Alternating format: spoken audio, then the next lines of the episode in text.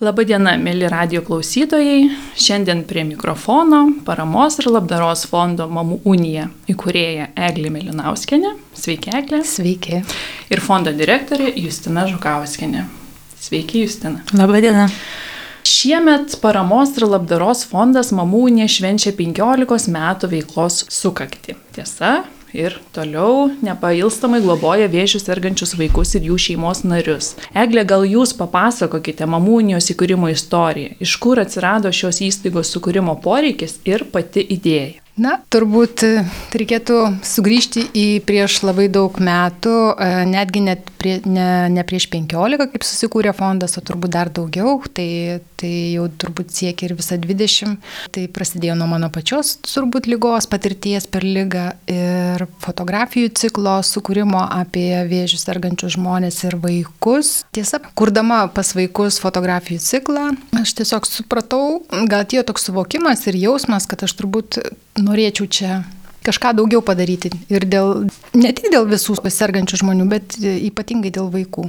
Nes mačiau labai didelę prasme ir, ir iš tikrųjų tai turbūt dar mane tas paskatino, kad, žinot, kai suvoki, kad antrą kartą gauni dovanų gyvenimą, tai, tai tiesiog negali šiaip savo juo nugyventi. Tai buvo labai didžiulė dovana man, didžiausia dovana turbūt man, sugrįžęs gyvenimas, galimybė tęsti jį ir aišku, kažką nuveikti, būtent dėl šitų, dėl sergančių vaikų ir jų šeimų. Tai turbūt taip gimė pati pradžia, tai iki fondo dar susikūrimo, aišku, dar ten reikėjo truputėlį kiek kažką nuveikti ir fondas įsiregistravo tada, kai atsirado, aišku, pirmieji, pirmosios aukos, kai reikėjo juridiškai kažkaip tai įsutvarkyti šitą visą finansinį reikalą. Tai va, tai žmonės norėjo padėti, norėjo aukoti ir taip susikūrė Mamunijos fondas. Mhm. Kiekvienais metais fondas mini auksinės žuvelės mėnesį, taigi Jo metu Lietuvos žmonės, įmonės ir užsienio lietuvių bendruomenė susivienyje bendram tikslui - tai skleisti palaikymo žinutę onkologinė lyga susirgusiems vaikams ir jų šeimoms. Papasakokit, kuo šis laikotarpis yra ypatingas ir kuo ši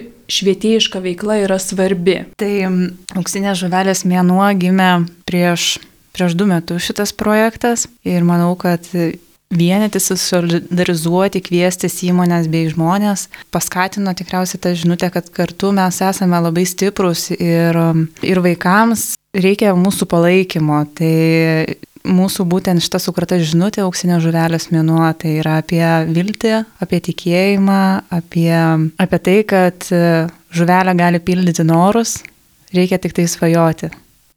Eglė, jūs tikriausiai geriausiai žinote, su kokiais iššūkiais susiduria vėžio pakirstos šeimos vaiko lygos metu ir po jos. Papasakokit klausytojams. Na, iš tikrųjų, turbūt apie tai, kas nutinka šeimoje, kai susirga nebūtinai vaikas, gali būti ir suaugęs. Tai iš tikrųjų galite pajausti ir galima kažkiek suprasti, bet kai susirga vaikas ir onkologinė lyga, tai apverčia visiškai šeimos gyvenimą, nes lyga iš tikrųjų tai gana ilga lyga ir trunka, mes turime vaikus, kurie serga netgi iki septynių metų. Tai iš tikrųjų tai yra sunkus išbandymas šeimai ir pačiam vaikui, nes per tą laiką jo vaikystė, jos pats gražiausias laikas turbūt, na, būna atiduotas lygai, sveikimui, kančiai, fiziniam, fiziniams skausmams, tai iš tikrųjų tai tikrai sunkus laikas. Kas labiausiai man pačiai rūpi ir vad ką aš pastebėjau per, per šitą, per tiek tą met, tuos metus dirbdama su prisiliesdama prie vaikų, prie jų šeimų, tai turbūt labai svarbu tėvų emocinė būklė emocinė būsena vaiko sveikimo laikotarpiu. Ir aišku, dažnai Nutinka taip, kad vienas iš šeimos narių, na ir ne, ne, nebet laiko to,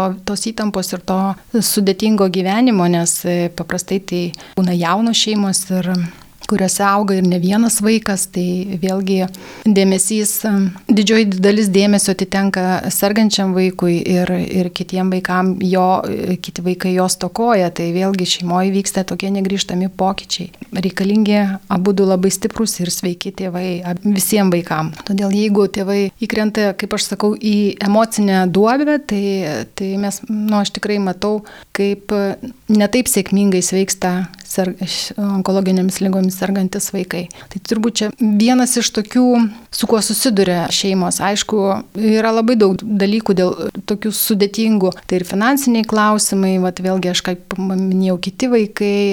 Sudėtinga būna tada, kai, kai mama viena būna šeimoje ir tarkim, nu, mes turėjom tokią situaciją, kai šeimoje viena mama augina tris vaikus ir, ir tie kiti liko aplamai be dėmesio. Kelis metus juos prižiūrėjo tai kaimynai, tai, tai kažkokie tolimesni, artimesni giminaičiai, tie, kiek kas paėgė, bet nu, tie vaikai augo tiesiog be mamos ir petėčio dėmesio ir meilės. Tai iš tikrųjų tai kitų vaikų gyvenimai labai pasižeidžia.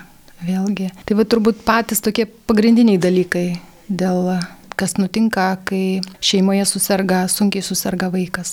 O tęsiant pokalbį apie pagalbą šeimoms, tai gera žinia, kad visai neseniai duris atvėrė pirmasis ir vienintelis toks, ne tik Lietuvoje, bet ir Baltijos šalise. Tai Mamų unijos rehabilitacijos centras. Justina, jūs gal papasakosit, kuo jis unikalus ir kokias paslaugas teikia? Galbūt aš papasakosiu ne tik apie rehabilitacijos centrą, bet galbūt ir apie visą kompleksinį mūsų projektą. Šią rehabilitacijos centrą šiais metais atidarė duris, tai kaip ir įgyvendinam visą, visą savo kompleksą. Tai turime šeimos namuose apgyvendinimo paslaugas, tai kaip Eglė minėjo, tikriausiai pasakojo apie su kokiais iššūkiais susiduria šeimos, tai tikriausiai tai yra būtent tas kompleksas, tas pastatas, kuriame galim spręsti visą apimtim šias problemas. Tai šeimos namuose yra 11 apgyvendinimo apartamentų kuriuose gali apsistoti įvairios dydžio šeimos, tarpę tarp gydimo, gali apsistoti, pavyzdžiui, dabar yra mama su berniuku gydosi ligoniniai, o tėtis su broliuku apsistoja pas mus šeimos namuose, kad tėčio, kad visa šeima būtų kartu ir, ir jie taip eina visą lygos laikotarpį ir matom, kad tikėkime, kad tam vaikui sveikimas šiek tiek lengvesnis pasidaro. Taip pat apsistoja ir, ir seneliai, ir kad, pavyzdžiui, atveža maistą į ligoninę, kad tai, va, tai yra tai apgyvendinimo būtent paslauga. Taip pat turime šeimos ūkį, tai mūsų šiais metais jau antrą derlių skaičiuojam, pomidorai ekologiški, agurkai ir visas kitos sodų daržo gerybės, tai mūsų viena iš išminčių irgi yra tai, kad mokyti ir skatinti šeimas sveikai maitintis, mylėti savo kūną, Ir, ir taip sveika mytyba lygiai taip pat irgi, manau, prisideda prie sveikatos. Ir tada šiais metais, ką, ką ir minėjot, ką ir klausė, tai atsidarėm rehabilitacijos centrą. Tai, tai yra būtent, kadangi vaikui po lygos ir lygos, jeigu jų trūksta rehabilitacijos paslaugų, tiek kineziterapijos, tiek ergoterapijos, tų kietųjų dalių, psichologinės pagalbos trūksta. Tai būtent šitam centre mes tai žadame gyvendinti, taip pat yra baseinas, tai baseino paslaugos, kas ko Lietuvoje šiai dienai trūksta. Ir, ir kita pagalba kitos šeimos narių, pagalba kitiems šeimos nariams, tai yra dvasinė pagalba, ko labai reikia irgi ir, ir pasišnekėti, ir, ir šeimos vienos su kitom dalinasi Tiesiog jiems svarbu būti šitose namuose, jie vieni su kitais gali dalinti savo patirtimi ir taip vieni kitiems pagelbėti. Tai Eglė turi irgi labai puikių įrankių, bendrauja tiesiai su šeimom ir, ir matom, kaip jos gyja. Ir tai va, tai toks tas mūsų rehabilitacijos centro kompleksas visas. Eglė, jūs papasakokit, prašau, apie savo kasdienį rutiną. Kuo prasideda kiekvienas rytas, kuo baigėsi kiekviena diena? Na, jeigu klausytojams įdomu, galiu papasakoti, žinoma, jeigu tai suteiks kažkokios vertės ar kažkokią išvalgą galbūt kils, tai pirmiausia, diena prasideda tai turbūt padėka. Padėka, gal kaip ir keistai kitiems nuskambėtų, bet, bet nėra nei vieno ryto, kad aš nedėkočiau pirmiausia už tai, kad aš šiandien galiu turėti dar vieną dieną, gyvenimo dieną, per kurią galiu nuveikti svarbių darbų, ką aš vadinu kūryba turbūt. Ir kad kiekvienas mano darbas būtų, būtų pradėtas su meile. Tai čia turbūt man svarbiausi dalykai, kuriais aš pradedu dieną. Po to jau aišku, ką darom kaip ir visi. Ir taip prasideda mano ir darbo diena, ir vėlgi prisilietimas prie šeimų, kas vėlgi labai svarbu prie kiekvieno žmogaus prisiliesti su meile ir dėkingumu. Nes kiekvienas žmogus, netgi atėjęs pagalbos pas mus, tai man yra didžiausia dovana ir pamoka. Vėlgi aš kasdieną mokausi iš, iš, iš tų žmonių, iš vaikų. Vaikai tai aplamai yra mano didžiausia mokykla turbūt ir, ir man daugiausia davė mano šitoje veikloje. Visom prasmėm turbūt galėčiau vardinti ir vardinti, ką aš esu iš jų. To pirmiausia, turbūt labia, labiausiai, ko aš iš jų išmokau išmokau, tai kantrybės ir stiprybės. Ir tikėjimo ir vilties, aišku. Tai vaikai turbūt yra tie, kurie na, mus visus suaugusius, net sunkiai sergantis vaikai, mus visus suaugusius skatina neprarasti to tikėjimo, nes turbūt e, jeigu tėtis ar mama jį gana gali labai greitai pamesti, tai vaikas niekada ne, nei pasiduos, nei, nei paluš, nei ir dažnai traukia savo tėvelius į viršų. Tai, va, tai, tai čia turbūt mano svarbiausi tie dienos tokie akcentai. Na, aišku, vakaras visada būna dažniausiai su knyga, arba pasivaikščiojimas gamtoj man, kadangi, na, aš turbūt, va, daug kas klausia, iš kur aš stemiuosi, išsemiuosi stiprybės ir, ir kantrybės, tai turbūt, kaip aš išsakiau, pirmiausia, tai man yra vaikai, prie kuriuo aš liečiuosi, ir kitas mano stiprybės šaltinis tai yra gamta. Aš esu visiškai gamto žmogus ir, na, nesvalto vaikas, nors augau mieste, bet, bet taip mane šeima mokino, taip mane tėtis mokino, taip augino, kad gamta ir mes, ir gyvenimas pagal gamtos ciklus vėlgi yra labai, man yra labai svarbus ir, ir tai teikia man stiprybės ir gyvybės. Tai turbūt tokia mano ta, ta paprasta diena, turbūt kaip ir daugelio kitų žmonių. Būtų tiek.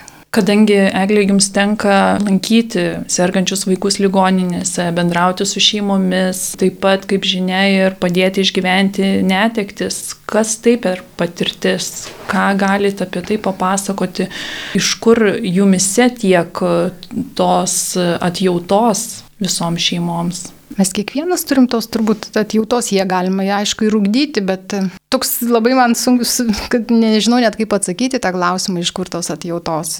Na taip, jos Tikrai sutrikau, žinokis, ties šitų klausimų. Niekada nesvarščiau, iš kur pas mane tos atjautos. Taip turbūt. Galbūt aišku ir mano pačios lyga, vėlgi tas gyvenimo pasikeitimas e, absoliučiai visai kitų kampų galbūt išūdė kitas vertybės ir, ir kitas savybės, tai ir būdo, ir charakterio. Tai, o susidūrimas su, su, su netektimi vėlgi yra čia toks klausimas. Pirmiausia, ką aš išmokau šiame kelyje, na, kai vaikas, kai netenkame vaikų, tai turbūt nesisavinti tų žmonių gyvenimo ir skausmo. Buvo metai, buvo pati pradžia, kai, kai aš to nesupratau ir, ir krisdavau visų, visą sielą, visų kūnų, visą širdimi į, į skausmą į, ir aš supratau, kad e, tokiu būdu aš niekaip nepadėsiu šitiems žmonėms. Mes kartu gėdėdavom, kartu maudydavomės tame skausme ir, ir iš tikrųjų tai, žinot, toks netgi gal, gal na, grubiai nuskambės, bet tai pasiverti į aukos poziciją ir, ir jokios pagalbos tu suteikti šalia esančiam žmogui tiesiog negali, tu neturi jėgų. Ir kai tų išėjimų dažnai kartojasi, jie kartojasi, tai taip, mane pirmus metus privedė prie visiško išsekimo ir aš supratau, kad, nu, taip toliau nieko nebus. Tai, bet per, per, per pačios mano pačios patirtį ir skausmą turbūt atėjo ir suvokimas, kad e, savintis kito žmogaus gyvenimą tai yra, man tai priliksta nuodėmiai.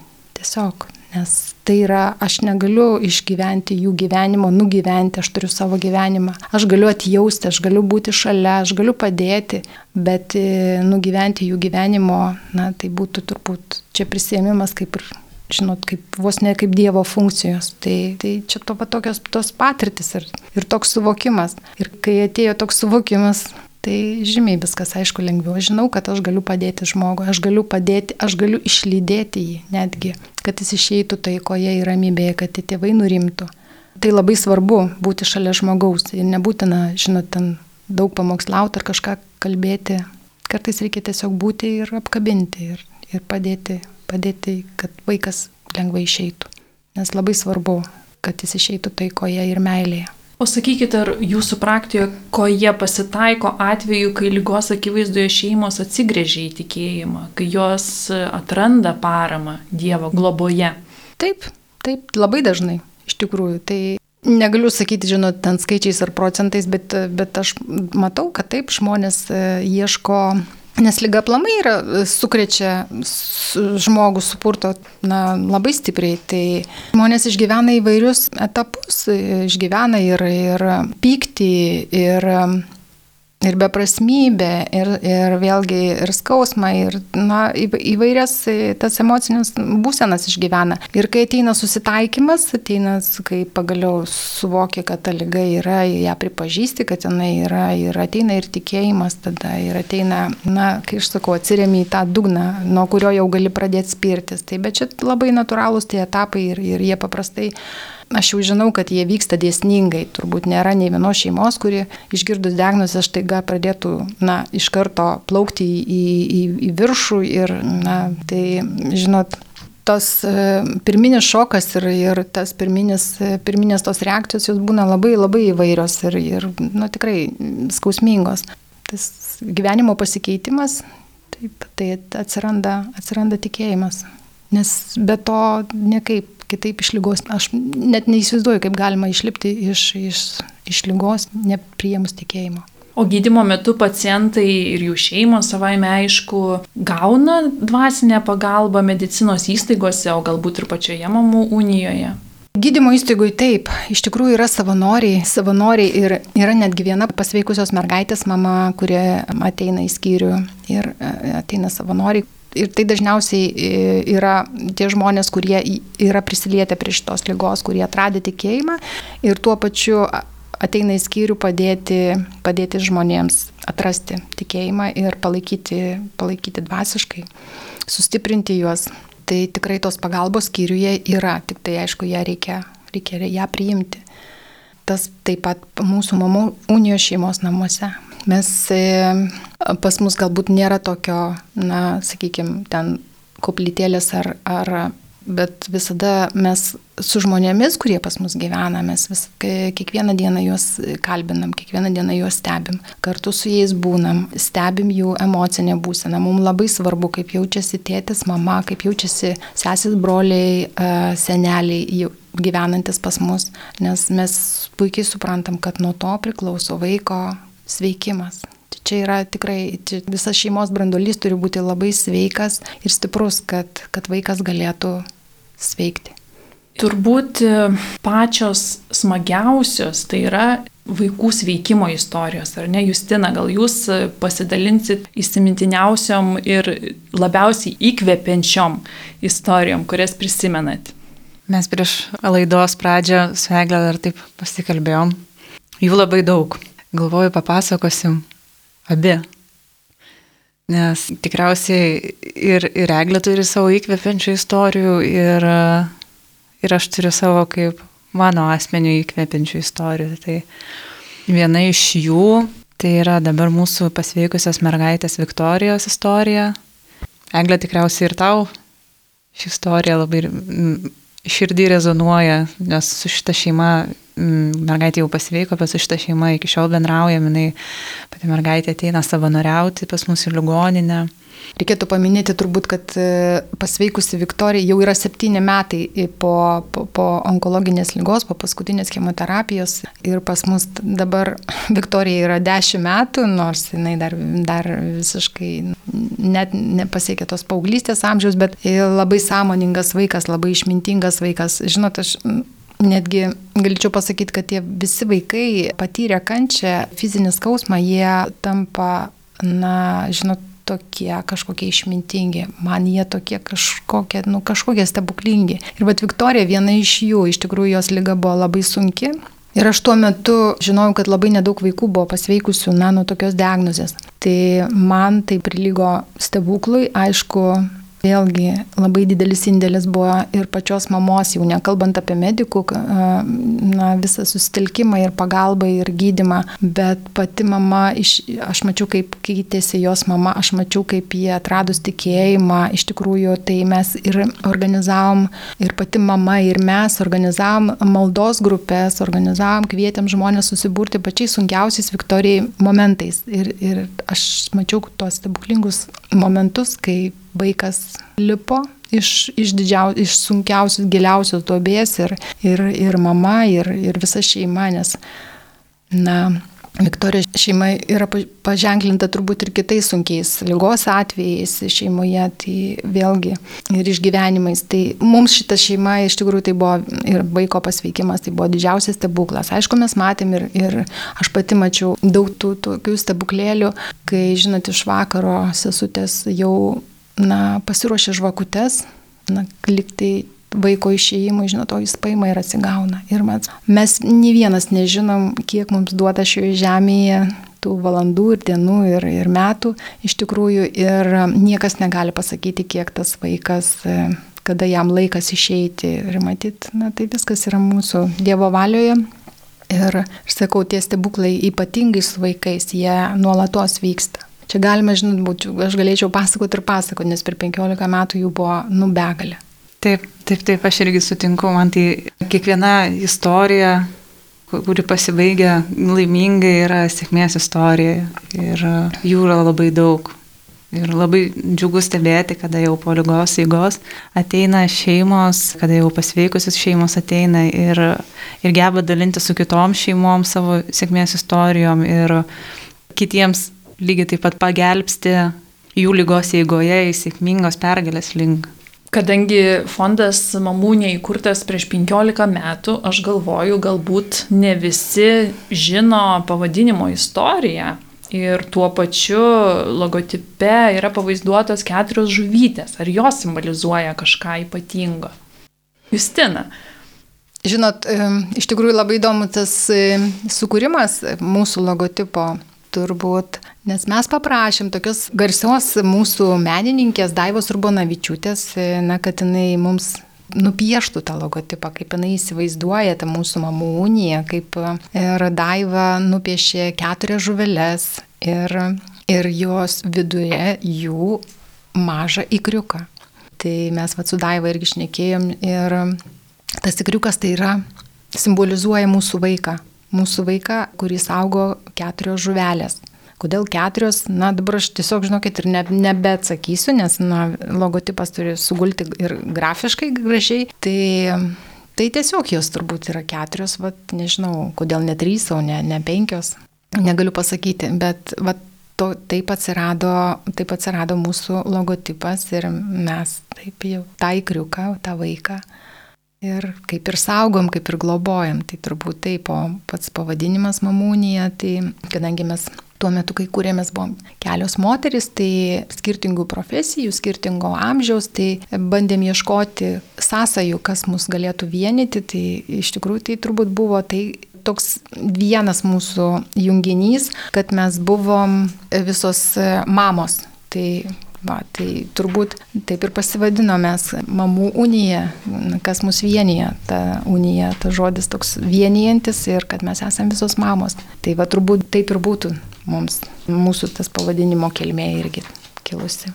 Nepaslaptis, kad ir šeimos namuose, ir rehabilitacijos centre nuolat reikia pagalbos, ar ne, vyksta daug įvairiausių procesų. Papasakokit, kuo paprasti žmonės ir apskritai visi tikintieji galėtų prisidėti prie fondo veiklos.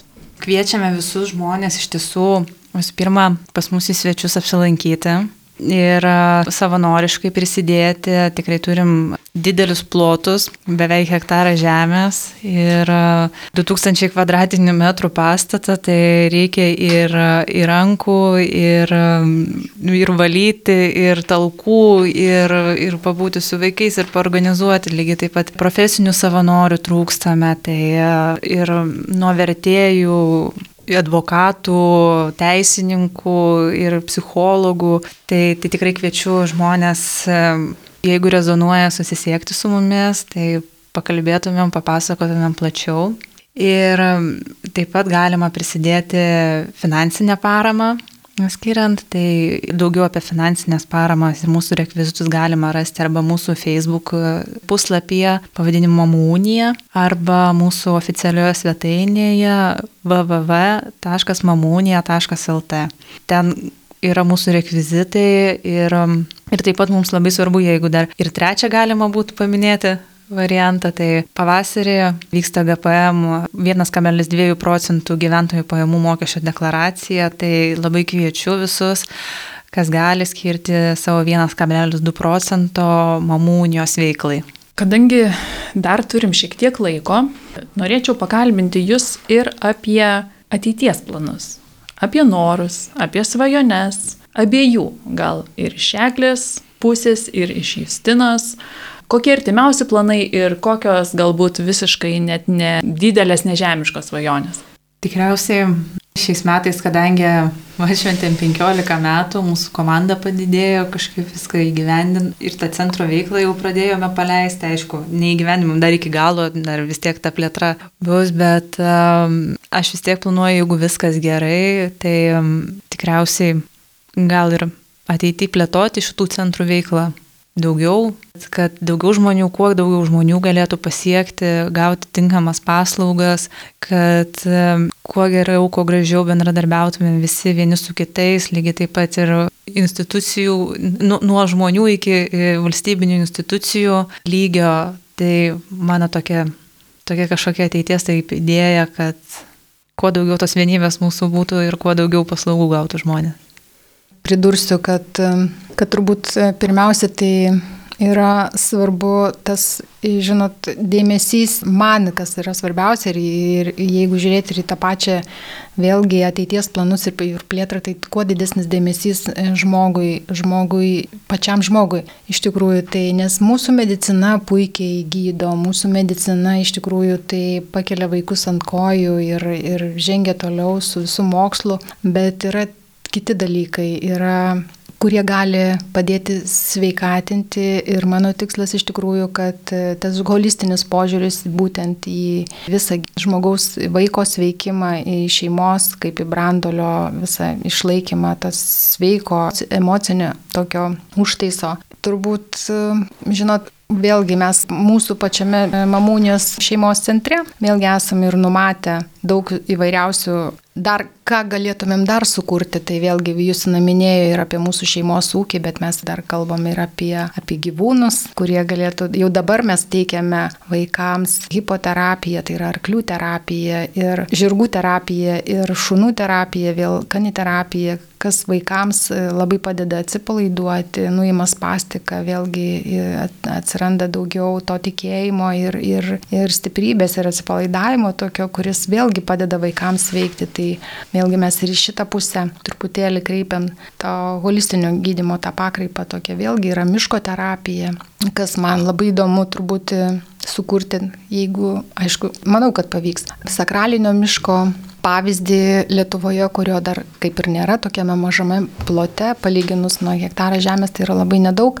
Vėlgi, kur vaikai galėtų ir visa šeima galėtų atsigauti suteikti jiems ir tos papildomos energijos iš gamtos, iš, iš sveikimo energijos, nes vėlgi medžiai, gamta, augalai, jie padeda mums veikti, nors mes kartais visai tai nurašom ir nesureikšminam. Tai iš tikrųjų tai yra labai svarbu visame, visame nasveikimo tame komplekse. Ir aišku, vėlgi įvairių labai daug kitų terapijų ir, ir pokalbių, ir, ir užsiemimų, ir praktikų, vėlgi kas, kas labai svarbu tą plėsti. Ir žinoma, vat Justina paminėjo, kad iš tikrųjų tai ir mūsų toksai ir noras, ir tai daugiau pasiektų kuo daugiau žmonių. Ne tik tai mes dabar esame įsikūrę Vilniuje prie Vilniaus rajone, bet kad tai galėtų pasiekti labiau ir kitus Lietuvos miestus, kur yra gydomi vėžius argantis vaikai, tai yra ir Kaunas. Ir netgi galvotumėm, kad galėtumėm galbūt e, iškeliauti už Respublikos ribų.